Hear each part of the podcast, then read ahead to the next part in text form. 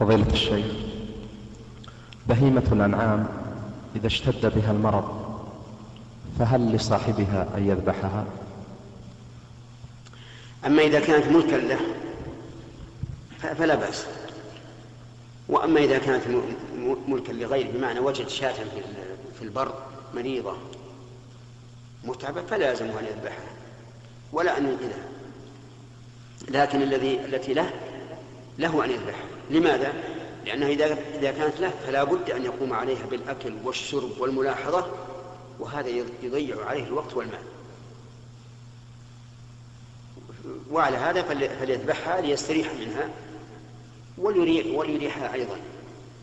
وفي هذه الحال إن ذبحها على على وجه الزكاة المشروعة صارت حلالا لمن أراد أن يأكلها ولا ولا بشرط أن لا يكون هذا المرض يضره. وإذا قتلها قتلا فإنها لا تحل.